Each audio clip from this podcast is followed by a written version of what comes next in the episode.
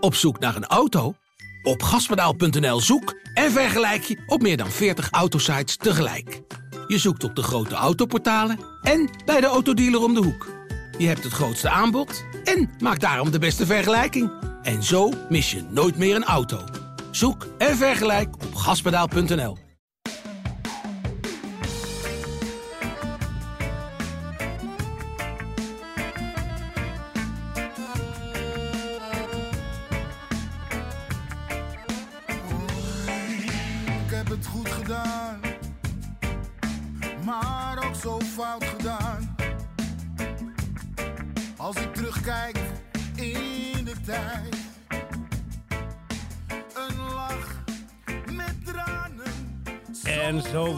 Dusan Tadic dus de man van het weekend. Nou ja, van het Ajax-weekend dan. Eerst maakte hij veel mensen boos met een steunbetuiging aan de ontslagen Mark Overmars. En daarna mocht hij in de laatste minuut van Ajax-RKC achter de bal gaan staan. En Ajax toch nog naar winst schieten. Wetend dat hij zijn twee vorige penalties had gemist. Deze dus niet, 3-2 voor Ajax. Eh, en een stroperige, moeizame wedstrijd toch nog in de slotfase gewonnen. Dat lukte Ajax eigenlijk niet eerder. En dus was dat ook wel eens lekker.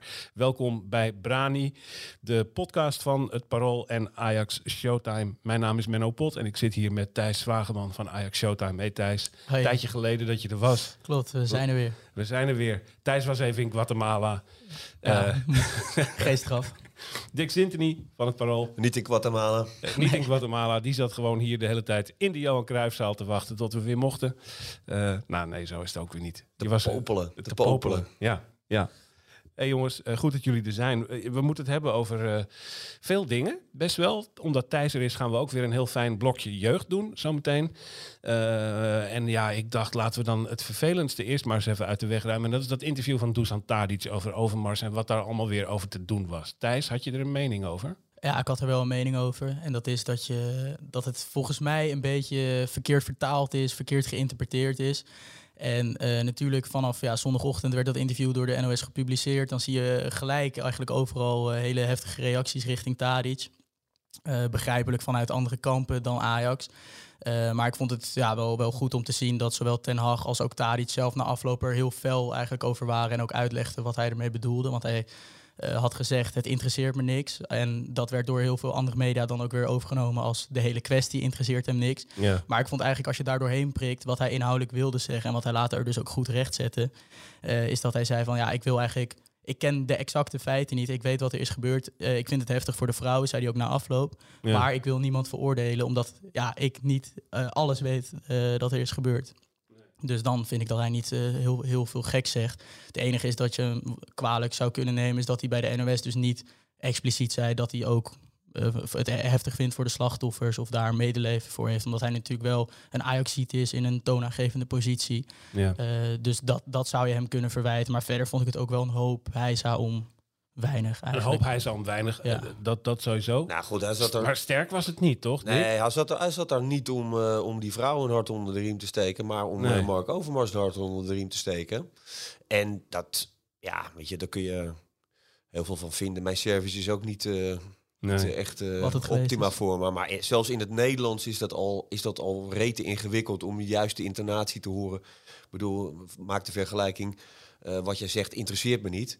Of dat je zegt, wat jij zegt interesseert me niet. Dat is al echt een, een enorm verschil. Ja. Maar goed, daar, we hoeven hier niet eh, voor Tadic eh, op te komen. Het is al zo lang geleden eh, dat die zaak is, is- heeft gespeeld. En, en dat komt dan nu nog eens een keer terug in een interviewtje.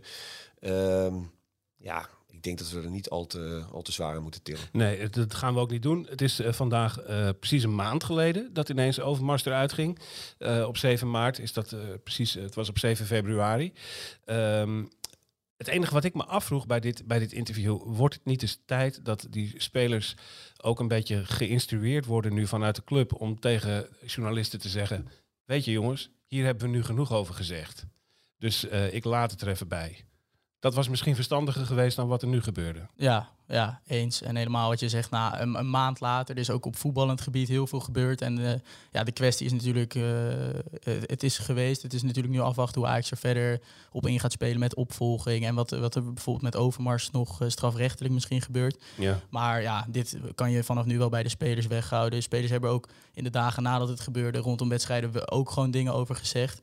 Dus om daar dan nu elke keer naar te blijven vragen, ja, op een gegeven moment moet je ook door, denk ik. Dus Op ja, een gegeven moment heb je het gevoel dat het eigenlijk niet meer vragen zijn vanwege de kwestie, maar gewoon vragen om eh, de, de media te bedienen. Die Ja, willen, die willen ja. er graag een uitspraak Ja, over. maar weer. goed, ja, je hebt- spraakmakend. Je hebt ja. eh, de zaak eh eh, Rai Vloed gehad bij Heracles. En Heracles heeft geprobeerd dat eh, ook mediatechnisch helemaal in eigen hand te houden. Door voor eigen tv-camera's interview te houden met, eh, met de directie. En, eh, en uiteindelijk met uh, Rai Vloed zelf ook. Ja, dodelijk auto-ongeluk veroorzaakt door ja, ja, Rijvloed. weet je, Ja. dat hoef je niet met elkaar te vergelijken, maar meer hoe je ermee omgaat als club. En als je dat dan helemaal zelf in de hand wil houden, ja, dat werkt, eh, dat werkt natuurlijk averechts. Weet je, wel. je moet, dat, je moet dit soort dingen ook gewoon aan de onafhankelijke journalistiek eh, overlaten.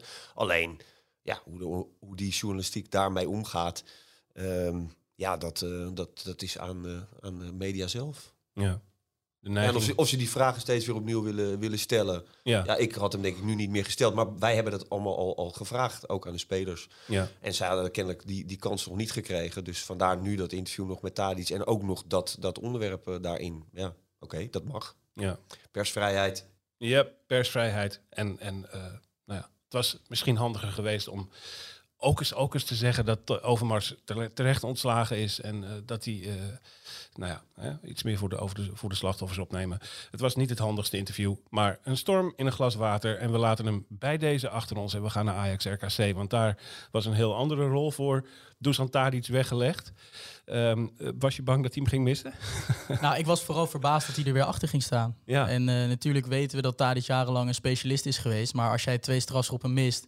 eh, en dan op zo'n moment weer... Het is ook niet dat je bij een 3-0 voorsprong... dan denk je, nou, ik probeer het nog een keer. Dan, eh, dat is ook een lekker voor je vertrouwen. Maar op zo'n moment ja, dat je erachter gaat staan... dat doe je ook niet als je ook maar eh, ja, een schrijntje twijfel hebt natuurlijk. Dus toen, toen hij erachter ging staan, dacht ik wel dat hij hem zou maken. Maar ik had het ook niet, niet verrassend gevonden... als bijvoorbeeld Haller nu een keer de kans had gekregen. Die is eigenlijk bij al zijn clubs een penalty specialist geweest topscorer van Ajax. Dus ook lekker als hij gewoon vanaf de stip natuurlijk zijn goals kan blijven maken. Maar eh, ja, nu Tadic weer over dit punt heen is, schoot hem goed binnen. Keeper ging naar dezelfde hoek. Nou, ik vond het wel verrassend dat hij hem maakte hoor. Ik, eh, hij speelde zo verschrikkelijk slecht. Ja, ja maar dat En- heeft hij wel en- vaker En, en, hij, en hij heeft, eh, de vrije ballen die hij kreeg, eh, die raakte hij ook helemaal verkeerd. Ik denk, nou, die... eh, maar goed, hij slaat natuurlijk nooit een rondje over als het op penalties aankomt. Maar ik dacht echt, nou, dat zou me niet verbazen als hij deze ook gewoon een meter overschiet. De, de- in het kwartier daarvoor had hij twee vrije ballen gewoon eh, hoog overgeschoten. Ja. Maar goed, dat is Dusan. Die legt hem neer en eh, Hij deed het toch maar. Hij deed het. eh, dat was, ik, ik, volgens mij, eh, ik kan me geloof ik herinneren, een jaar of 15 geleden, dat Klaas-Jan Huntelaar ook een keer zoiets had. Die had er toen ook een paar gemist in een hele korte tijd. En toen nam die hem volgens mij ook uiteindelijk op een belangrijk moment. Nou goed, eh, het, het, het is dus wel eens vaker voorgekomen. Maar wat, het was slecht, hè? Het was, ja, Ik, ik was niet in het stadion. Ik, ik, ik heb de wedstrijd later teruggezien op tv. Want ik moet natuurlijk een beetje voorbereiden op, op deze podcast. Eh, dus ik had eh, de, de gelukkige omstandigheid dat ik hem wat versneld kon doorspoelen. nou, dat Maar- kon best. Nou, nee, dan, dan speelden ze eigenlijk op het tempo dat het zou moeten. Ja. maar het was maal acht, was dat. Ja, nee, het was eh hemeltergend. Het was niet best. Nee, en, en eh, voor rust ging het eigenlijk nog. Met, met wel kansen en ook dan de twee doelpunten vlak achter elkaar, waardoor het eigenlijk beslist leek. Eh, en in de eerste helft stond eigenlijk de verdediging ook redelijk. Hoewel ook RKC toen al een kans had. Grote eh, ja, kopkans Grote van Kramer. Ja. Eh, eh, maar na rust wat er dan weer gebeurt. En dan, dan ga je natuurlijk toch kijken naar dat, dat eh rechter verdedigingsblok vooral. Waar dan eh, eh, in dit geval eh Rens op rechts achter en Schuurs als rechter centrale stonden. In plaats van Mazraoui en Timber. En dan vraag je je af, komt het nou allemaal daardoor?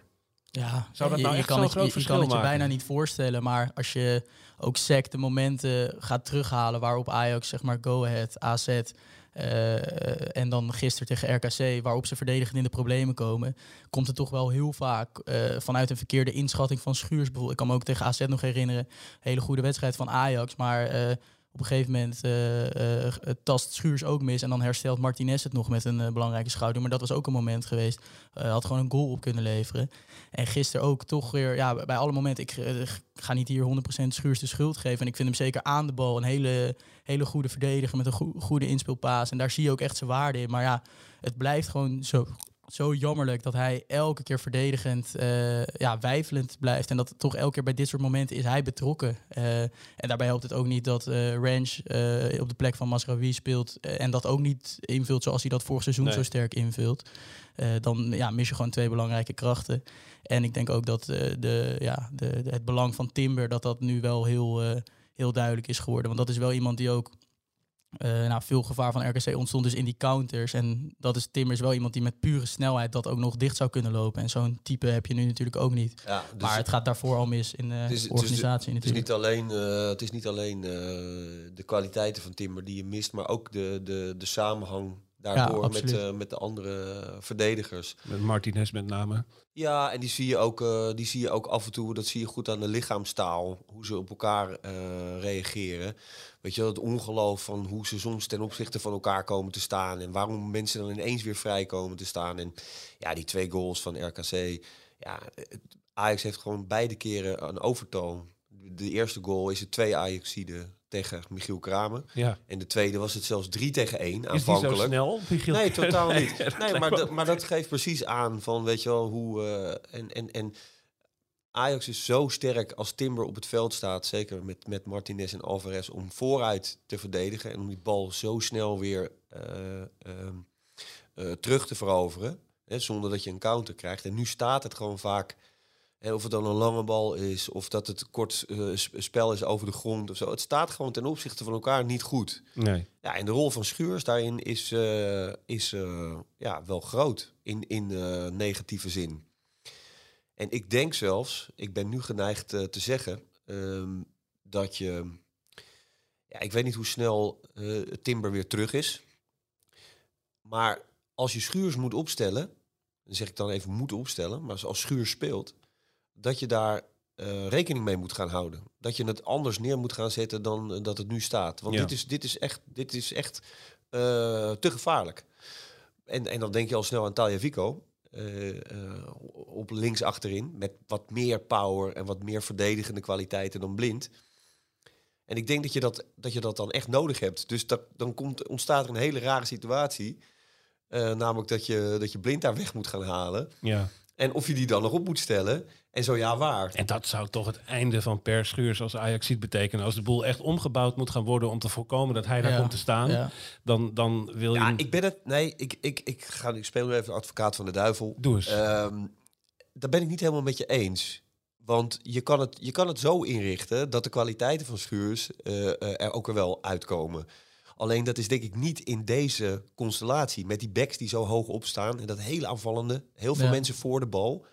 Ja, ik denk dat hij daar gewoon eh, ja, iets minder goed in is. En iets minder sterk. En iets minder zeker ook. Ook Ja. aan de bal dan Timber. viel mij ook op in de tweede helft toen Ajax op jacht moest naar die 3-2. Dan moet je risico's gaan nemen. Dan was Per Schuurs eigenlijk de enige die achterin dan die, die counter, eh, die uitvallen Ja. te- eruit moest gaan halen. Als toeschouwer, je vertrouwt hem ook Ja, gewoon je niet. vast. Je bent Nee. voortdurend bang dat dat misgaat. Het ging ook een paar keer bijna mis. Nou ja. Dat hij hem nog een keer, even een keer liet stuiteren. En, eh, Maar, maar is dat tegen Pavlidis, dan gaat het over het algemeen goed. Maar is dat tegen Odgaard, wat gewoon echt een hele handige, eh, slimme, goede voetballer is, dan heeft hij dat, heeft hij dat moeilijk. Ja. Weet je wel, dat, dat vindt hij heel ingewikkeld. Ja. Ja. En dat is natuurlijk nu al langere tijd gebleken. Want ook vorig seizoen was Ajax in de eerste seizoen zelf ook uiterst kwetsbaar. En toen is die verdedigende zekerheid ook gekomen met Timber in de ploeg. ja. Nou, dit seizoen is dat natuurlijk eh, gewoon, eh, gewoon zo doorgegaan. En elke keer op de momenten dat Schuur speelt, zowel dus vorig seizoen als dit seizoen, ja, zie je gewoon dat het verdedigend wankel wordt. Ja, Ja. Dat ene moment tegen AZ ook. Maar eh, dat was Sukawara. Weet je wel, dus ook Ja, zo'n kleine behendige speler ja, in het ja. duel. Dan is hij even die bal kwijt, even de coördinatie kwijt. Hup, en weg is hij. ja. Ja, dat overkomt hem niet tegen grote, sterke spitsen. Dat, dat kan hij over het algemeen wel, wel goed. Dus je zal dat iets meer eh, moeten, moeten stutten en moeten, hem moeten helpen ehm, als hij speelt. Om hem in zijn kracht te zetten. Interessant. Interessant zeggen we dan. Ja, ja. Wordt heel interessant. En, eh, nou ja, zo kan het in elk geval eh, gebeuren dat eh, nu dus onze vriend André Onana eh, in twee wedstrijden vier tegendoelpunten heeft gekregen. Terwijl daarvoor Remco Pasveer er vier tegen kreeg in 20 Tja. competitiewedstrijden. Toch opvallend. Dat is een bizarre statistiek. Ehm, nu gaan we niet zeggen dat Onana schuld had aan deze doelpunten. Hij werd vooral toch in, in de steek gelaten door zijn verdediging. Of werd ineens geconfronteerd met grote eh, gaten. Ehm, zeg daar eens iets over, Thijs. Wat kon hij eraan doen? Ja, ja, we hadden het er net voor de, voor de opname eigenlijk ook een beetje over. En ik vind wel dat eh, het is nog niet de Onana in topvorm. En je merkt wel aan hem dat hij toch wedstrijdritme mist. En ook in bepaalde wedstrijdsituaties toch inschattingen maakt die hij voorheen eh, beter zou maken. Ook eh, het moment vlak voor tijd dat hij op de rand van zijn 16 stond. En dat de RKC, eh, een speler van RKC vanaf eh, nou, net over de middenlijn de bal net in het zijnet schoot. Ja, Dat Wie was- was dat eigenlijk ook weer van RKC? Eh, is me ook, Dat ja, was ook ja, zou ja. goed, ja. Geniale ingeving. Ja, Hij had er zo ja, ingekund. Ja, hij keek in een oogopslag en eh, ja, het, het scheelt helemaal niks. En je zag ook echt die, die schrik bij, bij Onana. Maar dat is wel iets... Natuurlijk keept hij altijd ver voor zijn goal. Maar een Onana in topvorm en in, met ritme en in goede doen... die weet wel de inschatting te maken van ik doe nu drie stappen naar achter. Dan zou zo'n Odgaard ook niet in zijn hoofd halen om te schieten überhaupt. ja. Eh, dat, ook die 2-2, dat is alles wat daar in aanloop naar de 2-2 misgaat... is Onana niet aan te rekenen. Nee. Maar toch denk je op dat schot, het zit niet helemaal in de hoek. Het is wel ook een bal die hij wellicht eh, zou kunnen pakken, waar hij meer mee kan doen. Dus ja, dat heeft Ten Hag ook laatst aangegeven. Van het zal nog eventjes duren voordat hij weer die topvorm gaat aantikken. Ik vind- hem wel eh, verder eh, aan de bal een goede indruk maken. Voor zover je daar iets over kan zeggen. Dat hij wel, eh, daar toont hij geen onzekerheid of, of angst in. Daar neemt hij altijd risico om middenvelds in te spelen, mensen over te slaan. Dus daar ja, versnelt hij ook wel echt het spel mee. Maar ja, echt puur op keepersgebied ja, kan, kan het nog beter. En is er echt ruimte, want we weten wat hij kan. Dat, dat weten we allemaal natuurlijk. Ja. Ja. Ja. ik had bij die eerste goal van eh, RKC, de, de- waar Kramer eh, doorkwam, net iets sneller dan Johnny van de Beukering misschien, maar niet heel veel sneller. Eh, daar ging Onana, ik, ik, ben, ik ben niet goed thuis in de keeperstechniek en wat een keeper op zo'n moment moet doen, maar hij ging achteruit lopen. Toen dacht ik, nu ben je al gezien. Pasveer had hem gehad. Denk je dat echt? Ja, omdat hij sinds hij op doel staat, bijna in al die 1 tegen 1 situaties, eh, komt hij als winnaar uit de bus. Ja, Hij heeft, hij heeft daar ook wel een beetje zo'n Neuer-achtige manier van, eh, van uitkomen. het bekende knietje. Het knietje opzij en eh, de handen hoog, weet je, wel. Ja. Dus het is moeilijk om hem eroverheen te leggen. Het is moeilijk om hem er langs te krijgen. Nou, dat is wel een van zijn specialiteiten. Dus dan denk je van, ja, weet je wel... Dat, daar heeft hij Ajax vaak doorheen gesleept. Ja, en dan zitten wij allemaal van... eh, zaten we te mopperen op pas weer, hè, want het was niet van het niveau Onana. Ja, nu, eh, nu heb je Onana op doel en dan denk je, ja... Die had pas weer waarschijnlijk gehad.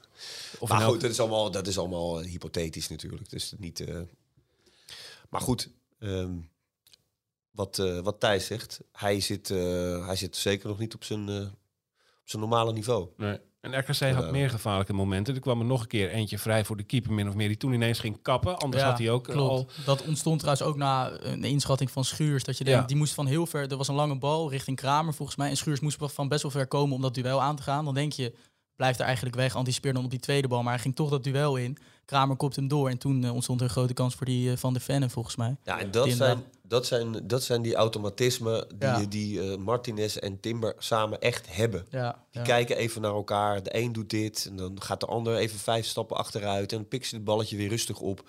Dat is echt, die patronen die zijn er zo ingeslepen. Ja, en dat is niet, eh met Schuurs nog, eh, nog zeker niet het geval. Af en toe een beetje een spookrijdertje. ja, nou ja. Spookrijder Schuurs. Eh, dat is een mooie om erin te houden. We moeten even terug naar de doelpunten van Haller. Die werd uiteindelijk tot eh, man of the match uitgeroepen ook. Eh, hoe goed speelde hij, Dick? Nog even los van het feit dat vooral zijn tweede doelpunt er verschrikkelijk mooi in zat. Hij heeft, hij heeft twee, twee goals gemaakt. Ehm, hij heeft daarvoor een, had hij een hele goede kopbal die Almaats prachtig redde. Dus eh, alle credits voor de keeper, maar dat was ook een goede kans. Tweede helft kopt hij nog een bal op de paal. Knappe kopbal ook. Ook een knappe kopbal. En hij legde er nog twee eh, in de 16 eh, neer. Ik denk dat hij gewoon alles wat hij moest doen in deze wedstrijd eh, en waar hij voor staat, heeft hij gedaan. Ja. En helemaal in, de, in het begin van de wedstrijd ook nog een mooie solo-actie. En daarin was hij bijna de enige. die, die- en, en Anthony was, eh, was heel goed, vond Ja. ik. Die, die kreeg nog wel eh, wat kritiek ook. Maar als je ziet eh, hoeveel dreiging hij eh, eh, heeft, eh, maar ook hoeveel meters hij maakt. Hij was uiteindelijk in die slotfase, was hij ook nog Ajax belangrijkste verdediger af en toe. Hè? Ja. Ja, dat, is, eh, dat vind ik echt voor zo'n buitenspeler is dat ongekend. En Ja. hij versiert dan nog eh, die penalty op het laatst. Ja, het is... ehm, zonder Anthony had Ajax eh, eh, niet gewonnen van RKC. Echt niet. Ver- mooi beeld was dat inderdaad. Een verprutste corner waarbij hij tot over de middenlijn terug sprintte om zijn eigen fout Ja, te ja. herstellen. Had hij Eh, wel mogen maken ook trouwens, die voor open goal. Toen dat hij de keeper al voorbij was. Ja. En toen eh Kudus werd er ook nog boos om. Die stond voor open goal vrij. Maar dan is die omschakeling, eh, dat is wel nog karakter dat hij dat dan doet inderdaad. Ja. Ja. De, je noemt de naam Kudus. Dan hebben we het over eh, eh, de invallers.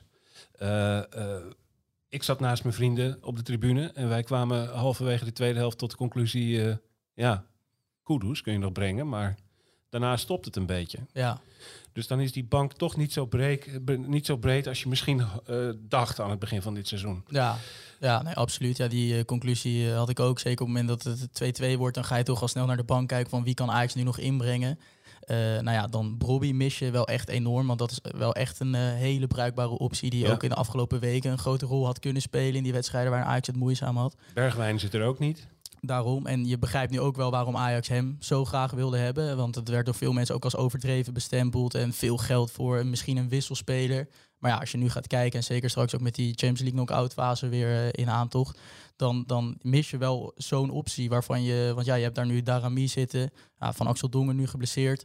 Dat zijn in goede doen wellicht eh, mannen die het verschil kunnen gaan maken. eh, op eredivisieniveau in ieder geval. Maar hebben dat ook of niet aangetoond of nog niet vaak genoeg aangetoond als invaller. Dus daar kan je gewoon simpelweg niet op bouwen. Ehm, ja, en dan verder kun je dus nog Klaassen brengen. Die komt dan voor Gravenberg. Nou ja, Gravenberg veel over gezegd. Maar dat is wel iemand die in de kleine ruimte en tegen het compacte RKC het verschil zou kunnen maken. Eh, als je dan Klaassen brengt, dat is juist weer iemand die loopacties in ruimtes wil gaan maken die er nauwelijks liggen. Dus dat is ook een wissel waar je misschien vraagtekens bij kunt plaatsen. Ehm, ja, dus, dus ja, en, en dan verder, ja, Kudus is wel, eh, mist natuurlijk ook ritme, maar is wel een speler die ook weer op termijn eh, daar iets zou kunnen doen. Maar verder, en Danilo, komt dus nu helemaal niet meer aan bod. Want als jouw ploeg een, eh, op jacht gaat naar de winnende goal en jij als enige spits nog op de bank zit en je geen rol van betekenis speelt, is dat ook wel heel duidelijk natuurlijk. Den Haag heeft duidelijk geluisterd naar Brani vorige week. eh, waar we eigenlijk ook zeiden, die Danilo willen we niet meer zien. Eh, dat was, leek nu niet eens meer een optie te zijn om hem, om hem te brengen. Ook al is hij de beste finisher in de box. Maar die kwam niet. En dan is de spoeling ineens merkwaardig dun. Ehm, die Kudus. Eh, we zagen ook Taliafico. Dat was typerend. Dat hij erin werd gebracht. Ja, door het stadion bijna werd onthaald als de man die in de aanval eventjes het verschil ging maken. Een nieuwe linksback, hè? Er werd om geroepen, Ja. hè? Om gezongen, Nico, Nico. Ik denk, ja, nou, linksback. Ja, die legde tegen AZ eentje pan klaar, dus dat gaat hij nu ook eventjes doen. Eh, maar eh, viel eigenlijk slecht in deze keer, Nico. Eh, en eh, eh, dan merk je dat Ajax toch ineens eh, eh, heel diep moet gaan om tot die winst te komen. Dat gebeurt dan uiteindelijk natuurlijk wel met die penalty. Eh, een van de grootste voetballers uit de Nederlandse geschiedenis vond het geen strafschop. De heer Willem van Hanegem eh, te, laten we maar zeggen, Rotterdam. Was jij het met Willem eens, Dick? Ehm, nou ja, nee, ja, dit was wel een penalty, toch? ja, toch? Ja, het is wel slim gedaan van Anthony. Want ik bedoel, hij zet wel gewoon eh, lekker zijn been erin. Daar, naast de bal. Alleen, ja, je moet die sliding daar niet maken. Ja, dat is heel simpel. Ja. Maar dat, dat vond die jongen zelf ook. Wa Luc Wouters. Nee, dat is, je, hij moet gewoon eh, op zijn benen blijven staan. En als je gaat sliden, als je een tackle maakt, dan loop je altijd het risico dat je niet de bal speelt, maar wel de man. En dat gebeurde in dit geval. Ja, dan. eh, Ja, daar kon je onmogelijk geen strafschop voor geven. Lijkt mij ook. Ja. Dat, eh, en dan, nou ja, Tadic. Hij schiet hem erin. 3-2. En dus mochten we even juichen alsof we eh, een belangrijke Champions League wedstrijd hadden. Maar, maar, maar, maar het is wel. Het is wel. ehm, het is niet goed bij Ajax Nee, op dit moment. En eh, ze speelden tegen AZ een, eh, een, een eh, vond ik wel een goede wedstrijd, maar, maar in soberheid. En eh, op dit moment is het voetballend, aanvallend, opbouwend, niet goed genoeg. nee. En dat is wel zorgelijk. En eh, dan zie je eh uh, Tadic eigenlijk een hele slechte wedstrijd spelen. Dan zie je Berghuis volstrekt anoniem over het veld eh, hobbelen. Ja. Gravenberg weer ondermaats deze wedstrijd. En dan denk ik van ja, als je vooruitkijkt naar, naar Benfica. Ik, eh, ja, ik, ik, ik denk dat, dat Ten Hag toch wel eh, keuzes, echt keuzes moet gaan maken. eh, in, de, in wie die, wie die gaat opstellen.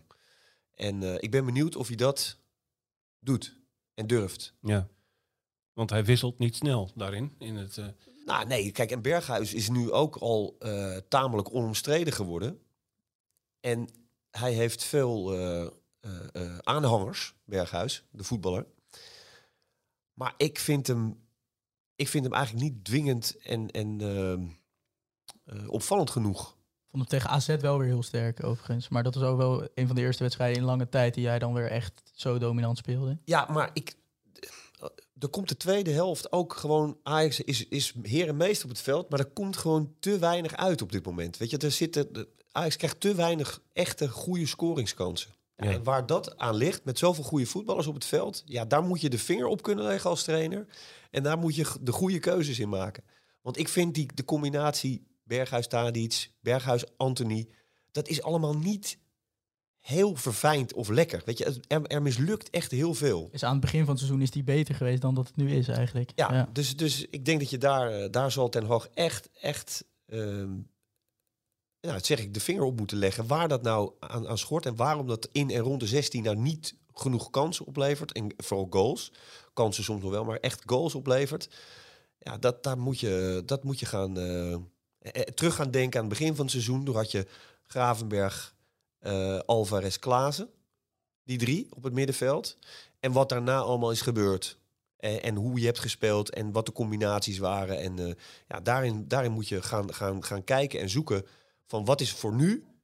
eh, met, met het oog op de, de laatste belangrijke wedstrijden van het seizoen, waarin je eigenlijk niks meer mag morsen. En Benfica, wat er nog aankomt, daar moet je echt eh, ja, precies, de goede, precies de goede toon vinden. Maar heb jij daar een idee over, zeg maar? Waar denk jij aan? Nee, ik, ik vind, ik Vind dat dat lastig te zeggen. Ja, ik vind dat heel moeilijk, weet je wel, omdat je het niet... Ik, ik, zie, ik zie wel de, de wedstrijden en ik zie wel eh, dat het niet oplevert wat het zou moeten opleveren. Alleen de trainer die elke dag met die staf, eh, met die spelers op het veld staat, ja, die moet dat, die moet dat kunnen zien. En je kan niet... Ik denk niet dat je als trainer in deze fase moet aankomen met ja, blind, ervaring, goede voetballer, Tadic, ervaring, goede voetballer, hebben het altijd voor ons gedaan.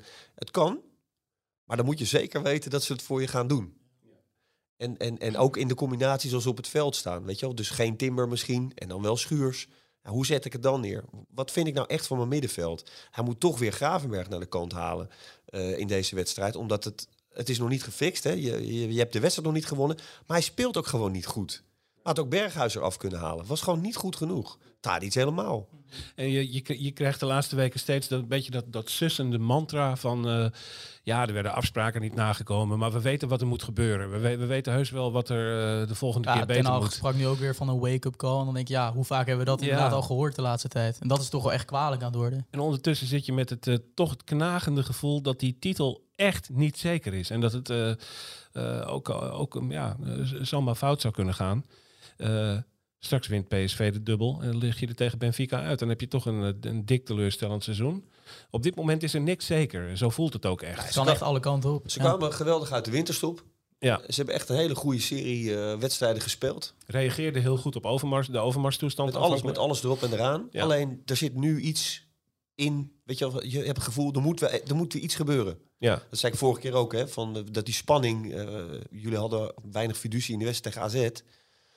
Ehm, maar dan denk ik van, ja, weet je, dat zijn wel tegenstanders en momenten, weet je, die roepen iets op, weet je wel, in die, eh, in die spelers. En dat, dat, dat hebben ze wel echt nodig, ja. dat gevoel. Nu En- doet en- Benfica dat ook, maar dan is dat wel van een hoger, hoger niveau. Ja, maar dan kun je als, als trainer kun je daar ook eh, sturend in zijn. Door gewoon eens iemand op de bank te pleuren. Ja. Zo van even pap, Ja, hupsee. signaal Ga jij maar zitten. Ja, Hé, wat? Hij? ja. Ja, dat, ik heb het gevoel dat dat, wel, eh, dat, dat misschien wel, wel eens goed zou kunnen werken. Ja. Maar Ja. nogmaals, het is niet heel erg des Eriks hè? Nee. Om dat te doen. Die eh, houdt vaak... Nou, dat, dat, eh, dat gaan we zien. We gaan eventjes... Blokje, nu hebben we eigenlijk een soort jingle nodig. Die hebben we niet, maar we gaan even naar de jeugd. Thijs Wageman is hier bij ons voor het eerst in een aantal weken. En die gaat ons iets vertellen over de jeugd. En dan lijkt het me dat we misschien, om toch nog even bij Ajax RKC te blijven... we zagen twee jongens uit de jeugd op de bank zitten... die we daar niet eerder hadden gezien, of tenminste niet vaak. Ja, ja. Fitz Jim en eh, Liam van Gelderen. Eh, wat zijn dat voor types? Kun je daar eens mee beginnen? Ja, nou, Fitz Jim heeft uh, afgelopen zomer hele sterke voorbereiding gedraaid. Uh, bij AX1 toen ook bij veel supporters ook al opgevallen. En Ten Hag heeft hem er toen ook een tijdje bijgehouden. Toen aan het begin van het ook heel sterk bij, bij Jong Ajax. Is een controlerende middenvelder. kleine jongen, fysiek niet heel sterk, maar wel met heel veel voetballend vermogen. Zowel in de dribbel, kort kappen draaien, als ook passing. Dus echt een, echt een Ajax-spelmaker. een paar jaar geleden overgekomen van AZ. Doet het nu uh, na een mindere fase bij Jong Ajax inmiddels ook wel weer, uh, weer iets beter. Dus die is aan het, aan het opkrabbelen. Ik denk dat dat vooral iemand is die dan de komende zomer in de voorbereiding weer mee zal draaien bij het eerste en dan misschien kan aanhaken. Uh, wellicht als daar ook wat doorgeselecteerd gaat worden, dat hij een 15e, 16e, 17e man zou kunnen worden. Maar vooral nog zijn wedstrijden bij Jong zou moeten spelen. en Van Gelderen is een rechtsback die ook centrale verdediger kan, maar de laatste jaren vooral rechtsback speelt en die ja, geef ik niet hele goede kans op een doorbraak in Ajax 1. Die zit er nu vooral bij, omdat dus er, er wat problemen zijn met uh, Timber, Masraoui. Uh, is hij erbij gehaald. Maar ja, speelt in Jong ook niet, uh, niet altijd even overtuigend. dus dat is niet per se iemand voor de toekomst om in Ajax 1 te hebben. Maar dat zal denk ik wel een hele bruikbare eredivisie-speler worden. Voor het kaliber FC Groningen, waar hij denk ik wel bijvoorbeeld mee zou kunnen. Oké. Maar dat is voor nu denk ik meer opvulling. Dus Liam van Gelderen uiteindelijk voor Ajax niet. Fitz Mhm. Jim wel. Ja, Echt? ja, dat zie ik wel gebeuren. Ja, zal ook nog wel wat stappen moeten maken. Dit om de, ja, het is een vrij lichte jongen. Ja. Eh, en op die positie moet je natuurlijk ook verdedigend eh, ja, gewoon eh, goed kunnen zijn. Bijvoorbeeld een ontwikkeling die Frenkie de Jong heeft doorgemaakt. Een beetje een vergelijkbaar type. Die op een gegeven moment ook het halve veld overrende om om te schakelen. Fel was in het druk zetten, veel ballen veroverde. Dat is een stap die Fitz Jim nog zou moeten kunnen maken. Maar voetballend, ja, hele leuke spelen om naar te kijken. Zeker. ja. Het grote nieuws in de, in de jeugd eh, van, van eh, deze week is dat er vandaag of morgen, Vandaag, ja, vandaag, maandag. maandag, Ja. een contract getekend gaat worden door Rayane Bounida. 18-jarig, 16. 16. Net 16. Eh, dankjewel, Thijs. Eh, vertel eens over hem, want daar is namelijk heel Ja. veel over te doen. Het Ja. gebeurt niet vaak dat er over een hele jonge speler die een contract gaat tekenen zoveel te doen is. Ja, dat is eh, heel opvallend. En dat heeft alles te maken met eigenlijk zijn eh, online bekendheid, al vanaf eh, jonge leeftijd. Ehm, zijn vader is ooit begonnen, hij speelt al vanaf zijn zevende in de opleiding van Anderlecht. dat, dat natuurlijk een hele goede opleiding heeft. En zijn vader is ooit begonnen met hem te filmen, zoals meerdere vaders waarschijnlijk wel doen van hun zoons. En die vader plaatste dat op YouTube. En ja, daar zie je acties voorbij komen dat hij... ja, wordt ingespeeld, de bal over de tegenstander heen tikt en er met een volley binnen schiet. Echt dat je denkt, hoe, hoe kan dit? Echt, eh, ja, en daar komen die superlatieven van wonderkind en eh, toptalent komen daar vandaan. Ehm, en dat is uiteindelijk ook opgepikt door eh, iemand als Touzani, die natuurlijk een groot bereik heeft op YouTube. Nou, die heeft video's met eh, deze Bonida online staan die eh, anderhalf miljoen keer bekeken zijn. Eh, op Instagram heeft hij bijna een half miljoen volgers. Meer dan bijvoorbeeld zijn oude club Anderlecht. En ook meer dan bijna alle eredivisieclubs eigenlijk, om maar een voorbeeld te noemen. Meer dan spelers uit de Ajax-1-selectie.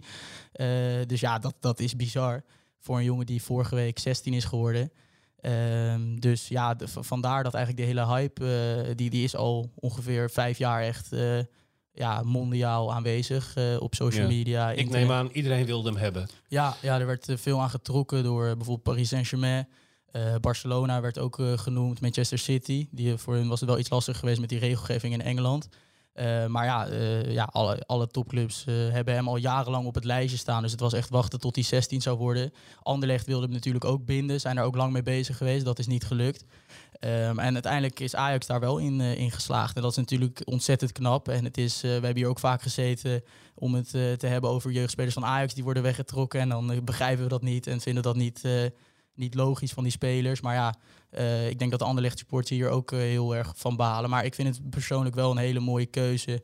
Om dan als je naar eh, al die grote clubs kunt en het, het geld dat daarmee werd genoemd. Ja, toch hoger is dan, dan dat Ajax hem nu uiteindelijk gaat betalen. Eh, kiest hij wel echt voor zijn ontwikkeling. Hij is eh, heel groot fan ook van Abdel Nouri. Dat heeft ook een belangrijke rol gespeeld. Ook eh, nou ja, op zijn Instagram wordt dat ook niet onder stoelen of banken gestoken. Hij draagt allemaal shirts met 34. eh, maakt de, met zijn vingers eh, 34 als hij, als hij scoort. Hij heeft ook op de toekomst een rondleiding gehad van de broer van Abdel Nouri. Dus dat is ook Mhm. wel mooi dat, die dat Ajax die banden met die familie Nouri natuurlijk nog zo warm heeft. En dat die daar dus ook voor openstaan om een rol te spelen in het binnenhalen van zo'n talent. Die, Dat is heel mooi. kunnen dat ook echt waarderen. Ja, Ja. Ja. Eh, en qua speler eh, is het ook een vergelijkbaar type. Eh, ja, want jij schrijft in je artikel, wat op Ajax Showtime te lezen is, over deze opvallende signing, mhm. dat hij het, het Nouri Unuvar traject ja, min ja of meer zo gaat heb ik het eigenlijk eh, genoemd. En En dat wat is, bedoel je daarmee? Nou ja, dat is eigenlijk is dat een van de voornaamste redenen waarom Ajax hem bijvoorbeeld heeft binnengehaald. En dat is omdat Ajax heeft aangetoond, eh, dan ja, om verschillende redenen hebben Nouri en Unuvar het, nou ja, Unuvar vooralsnog niet in Ajax 1 laten zien. Maar dat zijn wel jongens die ook al van jongs af aan als toptalent bekend staan. Technisch eh, ja, eigenlijk nu al beter zijn dan het gros van de Ajax 1 selectie. En technisch echt van wereldklasse. Maar ook ja, fysiek niet hele sterke spelers. Eh, en spelers waarvan je weet dat het langer gaat duren. Dat zijn niet jongens als Gravenberg die bijvoorbeeld op een 16e visie klaar zijn om in het eerste te staan. En dat traject heeft Ajax met zowel Nouri als Unuvar eh, tot aan jong Ajax uitstekend eh, opgepakt. Die jongens zijn opgetraind, soms een tijdje aan de kant gehouden. Dan juist weer over hun limieten gejaagd. Daar zijn uitstekende zowel mentale als fysieke begeleidingen in geweest. Eh, eh, zo erg dat zelfs Nouri op een gegeven moment beste speler van de keukenkampioen-divisie werd. Unuvar eh, dit eh, seizoen de beste speler van jong Ajax is. Dus daarmee ja, tonen ze eigenlijk aan van die... eh, het, het, het de grote vraag rondom dat soort spelers is natuurlijk altijd van hoe houden zij zich tegen volwassenen en op het hoogste niveau. Nou ja, in de keukenkampioen-divisie hebben die spelers, dus met het profiel technisch uitstekend, maar fysiek eigenlijk ondermaats, eh, hebben zowel Nouri als Unuvar aangetoond dat zij daar het, niet, het verschil konden maken. Nou ja, Nouri zat natuurlijk heel dicht tegen Ajax 1 aan. Van Unuvar eh, zal dat waarschijnlijk komend seizoen eh, kunnen gebeuren als er ook eh, ge- doorgeselecteerd gaat worden. Maar ja, zij laten dus zien dat ze tegen volwassenen en tegen fysiek veel sterke jongens het verschil kunnen maken. En dat is een traject dat eh, met Bonida dus ook eh, Ajax aan zou willen gaan. En er wordt er gewoon heel geduldig gedaan. Hij zal ook gaan starten bij Ajax onder 17. Terwijl hij dit jaar ook al speelt bij onder 17 en onder 18 van Anderlecht. Dus Ajax gaat dat niet forceren door hem gelijk in de onder 18 of bij jong Ajax te zetten. Zou ook niet verstandig zijn. Eh, maar ja, ze hebben dus ervaring met, met dit soort spelers. En dat heeft hem overtuigd ook om naar Amsterdam te komen. Ja, de goede begeleiding. Dit is, Ja. zegt iets over Ajax, dat zo'n Ja, jongen voor, eh, ja. voor Ajax kiest. Even heel kort. Ehm, de onder 18 vloog eruit in de beker dit weekend tegen de leeftijdsgenoten van Feyenoord. Dat doet altijd een beetje pijn. Ook al weten we dat het niet gaat om winnen in die eh, Mhm. leeftijdscategorie. Eh, Nee. Wat kun je daarover zeggen? Ja, het is inderdaad vooral teleurstellend na de Youth League uitschakeling. Nu dus in de achtste finale ook al de uitschakeling in de beker. Dus dat is voor Ajax onder 18 tot dusver wel echt teleurstellend. En ja, wat je daarover kunt zeggen is dat een aantal jongens, of nou vooral Missehoy, die is doorgeschoven naar jong Ajax. Speelt dus eigenlijk niet meer bij Ajax onder 18 de laatste weken. En dat is een aanvallende middenvelder. En dat miste je eigenlijk afgelopen, afgelopen zaterdag. Ze speelden eigenlijk met drie controlerende middenvelders. Uiteindelijk kwam Idumbo van eh, Ajax onder 17 er nog wel in. Maar ja, dat is natuurlijk ook een jongen die niet gelijk daarop staat om het verschil te maken. Dus ja, dat, dat eh, miste je wel. En ik vond Ajax onder 18 geen, eh, geen goede indruk maken. Eigenlijk creëerde te weinig, was uh, aanvallend pover. Dus eh, ja, dat, dat, dat was zonde, maar wel terecht, eh, die uitschakeling. Ja. Ja. Laatste jeugdpuntje. De altijd zo ontzettend leuke Future Cup in het paasweekend gaat wederom niet door. Dat is Mhm. volgens mij het derde jaar Ja, op rij dat het niet door. En eh, waarom niet eigenlijk? Ja, Ajax geeft officieel aan dat het niet mogelijk is met eh, ja, de onzekerheid die er rondom corona heerst. Ja, toch nog. Eh, Terwijl ja. de arena vol mag. Ja, in de toekomst ook weer volledig open is. Wat ook eh, twee jaar lang niet het geval was. Ook het gedeelte waar Ajax 1 dan in zit, was echt helemaal afgesloten. Nou ja, dat is sinds dit weekend weer allemaal open. Natuurlijk heel Nederland is weer open. Dus ja, eerlijk gezegd, ik, ik zet daar ook wel mijn vraagtekens bij. Het is sowieso natuurlijk heel zonde dat die spelers een kans missen om zich weer hier te kunnen laten zien. Maar ik denk ook dat het ja, wellicht met wat logistieke aanpassingen toch dit jaar wel nodig had kunnen zijn. Als je ook ziet dat er bijvoorbeeld een Youth League wel al wordt afgewerkt eh, dit hele seizoen. Dus ook met buitenlandse clubs en uit verschillende landen. Ja, dan, eh, en daarbij vind ik ook dat ik denk dat Ajax al, ma al eh, ja, bezig was met voorbereiding. En dan vind ik dit een, een, raar moment om het af te lassen. Dan had je dat denk ik al eerder kunnen doen. Ja. Juist als je zo lang wacht met aankijken, kan het wel, kan het niet. Dan vind ik dit een onlogisch moment om dan uiteindelijk de call te maken. Het kan niet. Maar ja, ze zullen daar een redenen voor hebben. Want ik denk dat Ajax ook wel het toernooi graag had willen laten doorgaan natuurlijk. Nou, ik denk niet dat, eh, dat Ajax in staat is om zo'n toernooi te organiseren met dezelfde, eh, onder dezelfde voorwaarden en veiligheidseisen als bijvoorbeeld de Olympische Spelen in, eh, in Beijing. En je hebt ook te maken met tegenstanders die dan in volstrekte quarantaine zouden moeten in hun eigen bubbel. Ja, dan hoeft er maar eentje positief te testen en dan valt er een tegenstander weg, ligt je hele toernooi in duigen. Weet je wel, ja, ik, Ja, logistiek zijn dat inderdaad wel dingen Ja, die, je- die je de- mee moet nemen. ja, Ja. Dat, dat, dat moet je als organisatie wel allemaal eh, overdenken. Maar dit zijn wel ik. belangrijke momenten voor die jeugdspelers op hoog Ja, niveau is, actief ja, kunnen zijn. maar dat is het, eh, dat is het vooral. Weet je, zij zijn zo lang eh, al buiten eh goede, zware competitie. die jeugdspelers in een hele belangrijke fase van hun leven, zeker eh 14, 15, 16 jaar. Ja, dan dat, dat missen ze natuurlijk allemaal. Ja. Hebben, ze, hebben ze gemist. En dat kan nu, kan nu eigenlijk wel, dat, dat start weer langzaam op. Ja, en zulke toernooien en, en ook de Youth League. En eh, ja, dat is toch wel, is toch wel prettig. Zijn de krenten En de goed voor die, eh, voor die spelers. Ja, ja, Ja. En, en het zijn vaak momenten waarop het Ajax-publiek voor het eerst kennis maakt met de talenten van morgen. En die momenten zijn er dus nu ook al heel lang niet meer geweest. Waardoor je nu ook best vaak ziet dat als jongens voor het eerst bij jong Ajax komen, dat Ajax-sporters reageren van, oh, eh, wie is dit? Ik ken Ja. hem helemaal niet. Ja. Terwijl dat hele grote talenten zijn. Maar die missen dit soort podia om zich eh, de afgelopen jaren te laten zien. Ja, dat is Ja. eh, zonde natuurlijk. Het zou ook een, eh, een goede zijn ook voor de, voor de KNVB, denk ik, in samenwerking met de clubs. Om, eh, om eens te onderzoeken en goed te kijken naar, eh, naar wat eh, die, die jeugdspelers die op dat hoge niveau acteren. En die zoveel gemist hebben in die twee jaar. ehm, om daar onderzoek naar te doen. Ja, wat de gevolgen daarvan zijn. Ja, wat de gevolgen zijn, maar ook wat je, hoe, je die zeg maar nu weer geleidelijk en, en op een goede manier weer aan die, eh, aan die belastingen te, te kunnen laten wennen. En het deel wat ze gemist hebben misschien weer eh, te compenseren. Zeg ik nu even hoor, zo uit de, uit de losse pols. Maar het Mhm. lijkt me best wel eh, eh, belangrijk voor die clubs en, eh, en ook voor de KNVB om dat goed eh, te, mon- te Ja. monitoren. kijken, de verloren tijd eh, goed te maken. We gaan richting afronden, maar we- ik wil nog even toe naar toch wat ook sinds de vorige Brani gebeurd is. Namelijk dat we de bekerfinale bereikt hebben. Eh, met een, een, een prestatie in Alkmaar die toch opvallend was. Want in de aanloop naar die wedstrijd had AZ al bijna gewonnen, leek het wel in de voorbeschouwingen. Eh, de enige die dat eh, niet vond was Dick Sintony vorige week in Brani. Die zei, ik denk dat ze er wel staan. En zie daar, ze stonden er, Ajax. En dat is toch opvallend. Dat het dan ineens wel de hechtheid en de soberheid en de, de grinta, om dat woord maar weer eens van stal te halen heeft. Ja, die stonden, die stonden echt op scherp. Ja, Ja, goed, ja, wat ik zei, van eh, die, die spanning die heb je toch eh, kennelijk nodig. Weet je, je kan het eh, voor een deel uit jezelf halen, maar, maar tegenstanders en momenten en, en de, de, de lading van wedstrijden doen natuurlijk ook een hoop. Nou, Ja. Goed, en dan eh, daar naartoe in de file, ze kwamen natuurlijk veel te laat. Nou, toen speelden ze het spelletje heerlijk door, hè, door te laat het veld op te komen. Heel irritant. dus, dus super irritant, weet Ja. je, maar dat geeft wel aan dat je, dat je het eh, volstrekt serieus neemt en, eh, en, en toch ook een beetje, eh, ja, een beetje uitdaagt. En ja, vervolgens hadden ze, nou dat zei ik, dit, ge- geen enkel probleem om AZ onder de duim te houden. Ajax was veel beter. Alleen ja, dat, dat, in dat voetballende gedeelte vond ik het wel, ja, viel het toch wel een beetje tegen.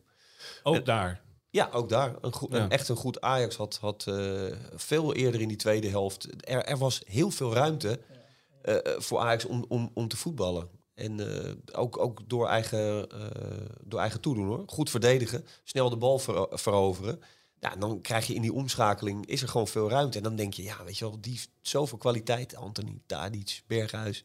Ja, daar komt er gewoon te weinig uit. Ja. En dan moet Klaassen weer eh, eraan te pas komen om het balletje weer over de lijn te, te tikken. En Nico Taliafico. En die Tagliafico. Dus toch een hele goede linksback. Eh, ja, prachtig. Het- De, de finale bereikt. Eh, ik ben daar toch, eh, merk ik, kinderlijk enthousiast over. Omdat het altijd zo'n verschrikkelijk leuke dag is, die KNVB-bekerfinale. Het is heerlijk in de Kuip met twee van die grote kampen van 15.000 man eh, tegenover elkaar. Vorig jaar mocht het publiek er niet bij. Op zondag 17 april mag dat weer wel. Ajax en PSV troffen elkaar in 2006 in de bekerfinale.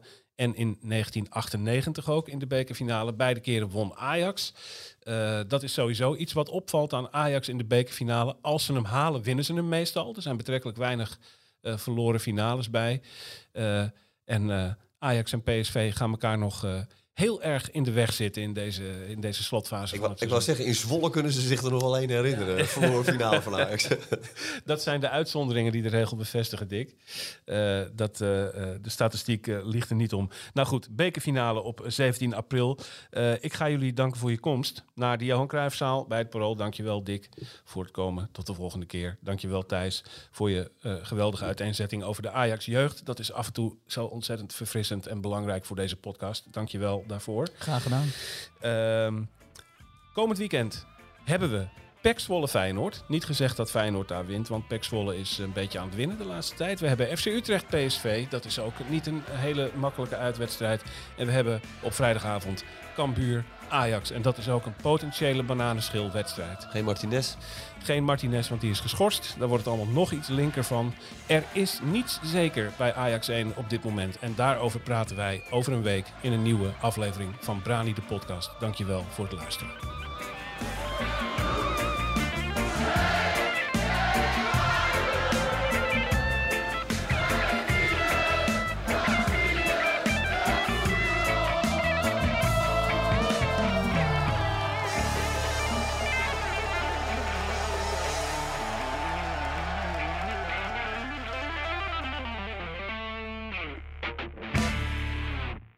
Op zoek naar een auto? Op gaspedaal.nl zoek en vergelijk je op meer dan 40 autosites tegelijk. Je zoekt op de grote autoportalen en bij de autodealer om de hoek. Je hebt het grootste aanbod en maak daarom de beste vergelijking. En zo mis je nooit meer een auto. Zoek en vergelijk op gaspedaal.nl.